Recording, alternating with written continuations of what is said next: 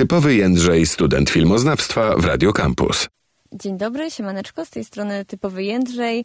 Mam dzisiaj do Was takie pytanie. Może byśmy się tak wszyscy po prostu zamknęli w kinie i zamienili w wielką, prażoną kukurydzę. Co Wy na to? Mm, bo wiecie, po nieco bardziej leniwym, jeśli chodzi o premiery filmowe lecie, przyszła pora na naprawdę odkręcenie kurka z nowościami kinowymi. Nie powiem Wam oczywiście tutaj pewnie o jakiejś połowie z tych tytułów, które w najbliższych tygodniach pojawią się w kinach, ale wybrałam dla Was te może trochę mniej oczywiste, może wcale nie, które być może gdzieś e, zainspirują Was do tego, żeby po prostu pójść do kina i dać zarobić tej e, naszej e, wspaniałej polskiej kinematografii, dystrybucji kinowej oraz, oraz po prostu kinom. I tutaj oczywiście pamiętajcie, że możecie chodzić do kin studyjnych, możecie chodzić do kin komercyjnych, obojętne, byleby do tego kina czasami wpadać, bo no tak wiecie, grze, grzecznie by było, fajnie by było. Zacznę od tego, jakie filmy już obecnie są w kinach. Między innymi y, chciałam wam bardzo polecić taki dokument, który nazywa się Dziewczyńskie historie.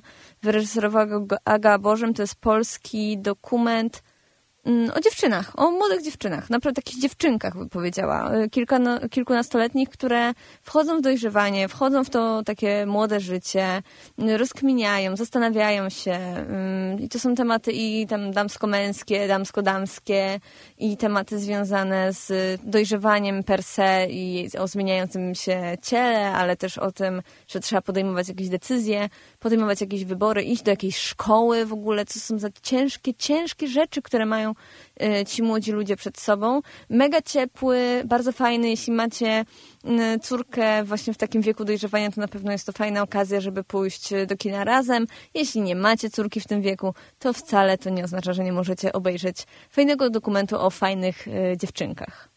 Poza tym w kinach już nasz polski kandydat do Oscara, czyli Chłopi, no obejrzyjcie do, animację, sprawdźcie, czy tam Tomasz Raczek miał rację, że to AI zrobił, a nie prawdziwi ludzie. Co z tego, że twórcy mówili, że to oni naprawdę wszystko zrobili własnymi rękoma albo z pomocą y, technik komputerowych. Nie, pewnie AI. Wszystko, wszystko robi AI, a tak zupełnie poważnie, y, piękna historia.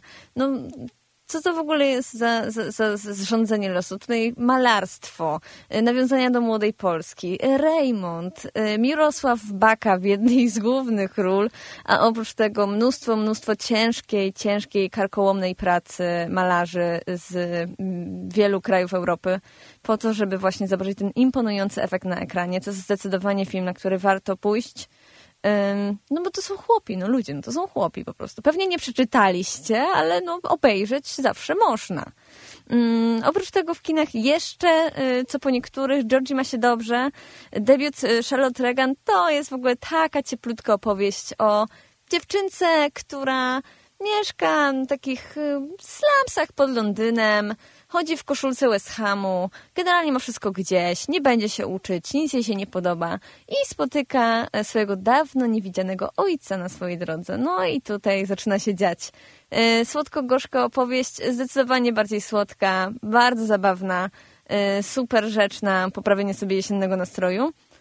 A e, dla tych, dla których słodkie rzeczy to nie jest dostatecznie dużo, no to e, mam dla Was e, animację. Nazywa się Wojny Jednorożców i chociaż brzmi przesłodko, to naprawdę uwierzcie, dzieci zostawcie w domu. To jest animacja dla dorosłych, tam leje się krew, tam dzieją się rzeczy, które na pewno Was obudzą z jesiennej handry i na pewno zwrócą Waszą uwagę, ale może niekoniecznie jest to propozycja dla młodszych widzów, więc uważajcie też na ten tytuł jeśli zobaczycie go w repertuarze, bo no, niekoniecznie zawsze to, co jest e, z jednorożcem w nazwie, musi być dobre dla, dla najmłodszych. Typowy Jędrzej, student filmoznawstwa w Radio Campus. Od dzisiaj e, w kinach e, święto dla wszystkich fanów Martina Scorsese, bo w kinach jest już czas Krwawego Księżyca, jest Robert De Niro, jest Leonardo DiCaprio.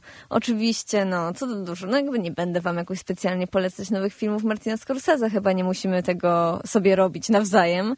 E, w tle rdzenna e, ludność w Stanach w tle ropa naftowa, więc y, wszyscy wiemy, czego się możemy spodziewać. Jest kryminał, jest gęsto, ale no nie wszyscy, nie wszyscy tego y, pragną, żeby, nie, nie wszyscy chcą spędzić swój wieczór z Martinem Scorsese, bo na to też trzeba poświęcić trochę czasu. Więc tutaj dla fanów polskiego kina również powinno być gęsto, chociaż póki co krytycy mówią, e, że jest czasami całkiem chłodno. Różyczka 2 to w ogóle ciekawy tytuł. E, taki, no, no, raczej Madagaskar mógł być dwa, ale że Różyczka e, dwa to, to naprawdę ciekawy, ciekawy wybór. Janki Dawa-Błoński w roli głównej ponownie Magdalena Boczarska. Mm, wszystko dzieje się współcześnie. Co się tam wydarzy, no to już e, warto zobaczyć samemu. Krytycy są mocno podzieleni. Część z nich mówi, że ten y, pomysł ma potencjał i daje radę. Część jednak y, dość otwarcie mówi, że to po prostu nie mogło się udać i że Janki Dawa-Błoński tym razem nie dowozi. Jeśli jednak chcielibyście pójść bardziej alternatywnie, wiecie, jakby polskie kino ok, Scorsese ok, no ale jednak na kawce fajnie jest powiedzieć, że się oglądało coś takiego bardziej niszowego, to y, w kinach od 20 października również Superposition i to jest, kochani, duński thriller. To jest duński thriller o zbazowanej rodzinie, która jedzie do lasu szukać weny. Czy znajdzie tam wenę? Niekoniecznie. Czy znajdzie co innego? Oj, zdecydowanie. Jest dużo emocji. Jest dużo ludzi, których mm, zdecydowanie byśmy nie polubili w takim normalnym życiu. Myślę, że nikt z was nie chciałby się z nimi zaprzyjaźnić, ale ciekawie zobaczyć, co ich tam czeka w lesie, bo czeka ich zdecydowanie ich największy koszmar. To jednak nie jest horror, to jest thriller, więc jakby nie, nie, nie będzie się czego tak bardzo bać. Od 3 y, listopada z kolei w kinach y, Przejścia Ira Zachs reżyseruje, to jest amerykański taki reżyser niezależny, tak bym powiedziała, ale w rolach głównych europejskie gwiazdy. Ben Whishaw, którego znacie m.in. z serialu e, BBC Będzie Bolało. E, Adele Exarchopoulos to jest absolutnie mega gwiazda francuskiego kina aktualnie i wschodząca gwiazda w ogóle europejskiego kina, czyli Franz Rogowski. Mm, I to są, to jest taki trójkąt miłosny, to jest w teorii melodramat, ale tak naprawdę to oprócz tego, że ten film może mocno wzruszyć, to może też momentami wręcz rozbawić tym, jak, jak okropnymi jesteśmy ludźmi czasami. I, I, myślę, że wielokrotnie oglądając ten film będziemy się zastanawiać, czy my naprawdę jako ludzkość jesteśmy dla siebie tak podli i tak obrzydliwi. Oczywiście tutaj jakby wszystko wsadzam w cudzysłów, bo w tym filmie nie dzieje się nic tak bardzo obrzydliwego, ale relacje damsko-męskie dziwaczne na pewno będziecie mogli zobaczyć na ekranie w filmie Przejścia. A poza tym na ekranach y, no, mnóstwo no, zdecydowanie nie niszowych tytułów, bo w listopadzie premierę będzie miał Wielki Powrót Marvela, czyli The Marvels oraz y, Nowe Igrzyska Śmierci, czyli prequel do tej znanej już nam wszystkim sagi. Y, jeśli są tu jeszcze gdzieś na sali fani Woody'ego, ale na to oni też dostaną nowy film, Niewierni w Paryżu. Um, oprócz tego Disney y, powraca z nową ad, y, animacją pod tytułem Życzenie. Oraz oczywiście Ridley Scott e, z swoim największym, najnowszym dziełem, czyli Napoleonem w roli głównej Joaquin Phoenix.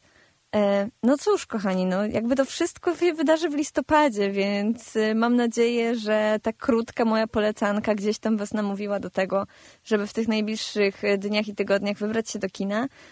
Bardzo wam dziękuję i co, no do usłyszenia następnym razem. Typowy Jędrzej, student filmoznawstwa w Radio Campus.